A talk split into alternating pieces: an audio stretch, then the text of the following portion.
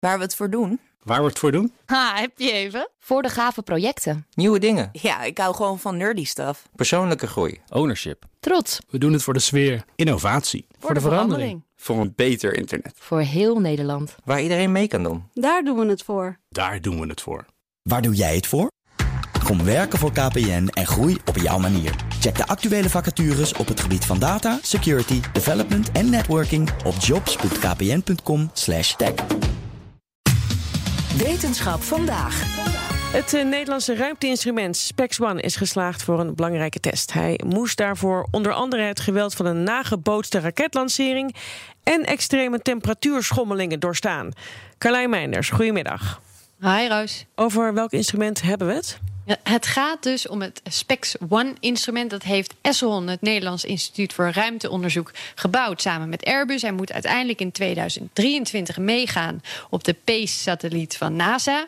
Nou gebeuren er natuurlijk allerlei testen voor zo'n instrument dan op een satelliet mee mag. En eentje daarvan is een belangrijke omgevingstest.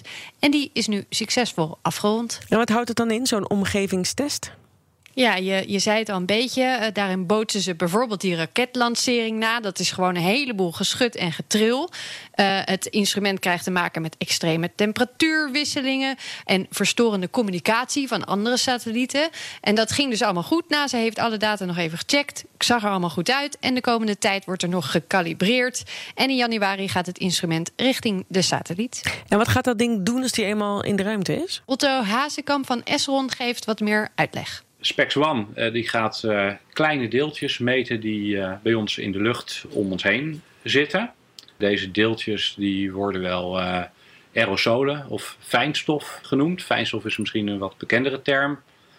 en deze deeltjes komen in de lucht door fabrieken, verkeer, branden, bijvoorbeeld bosbranden, stofstormen in de woestijn. En waarom willen ze dat doen? Nou, die deeltjes hebben invloed op het klimaat. We weten alleen nog niet precies in welke mate. Ze beïnvloeden het klimaat omdat ze licht weerkaatsen. De meeste aerosolen doen dat. En omdat ze licht weerkaatsen, zonlicht, uh, wordt het koeler op aarde. Dus ze zorgen eigenlijk dat er minder zonlicht op aarde komt. Dat zijn bepaalde aerosolen. en ook weer andere aerosolen die absorberen juist weer zonlicht. En die hebben weer een opwarmend effect. Ze kunnen ook nog de vorming van wolken beïnvloeden. En in welke mate dit door welke deeltjes gebeurt, uh, daar willen ze drie jaar lang, want zo lang gaan ze in ieder geval meten, data over verzamelen. En hoe weet het instrument nou waar welke deeltjes zitten? Hij kan in ongeveer drie, vier weken de hele aarde bekijken. En het meet dan niet de deeltjes zelf, maar uh, het kijkt naar de weerkaatsing van licht. Het meet uh, de hoeveelheid licht, dat noemen we ook wel de intensiteit. Maar wat belangrijk is aan dit instrument is dat het ook meet in welke mate het licht gepolariseerd is. Dus uh, misschien een beetje een ingewikkeld concept. Uh, polarisatie geeft aan of licht een bepaalde trillingsrichting heeft. Dus het zonlicht uh, is ongepolariseerd, alle trillingsrichtingen door elkaar. En omdat zonlicht dan door zo'n aerosoldeeltje wordt weerkaatst, raakt het gepolariseerd. En uh, de mate waarin dat gebeurt hangt af van hoe groot de deeltjes zijn, waar ze van gemaakt zijn. Roet, zeezouten doen weer iets anders. Ook de vorm van de deeltjes. En dat uh, kan met dit instrument, dat nu dus geslaagd is voor deze belangrijke test, hm. nauwkeuriger dan ooit gemeten gaan worden. Carlijn, dankjewel.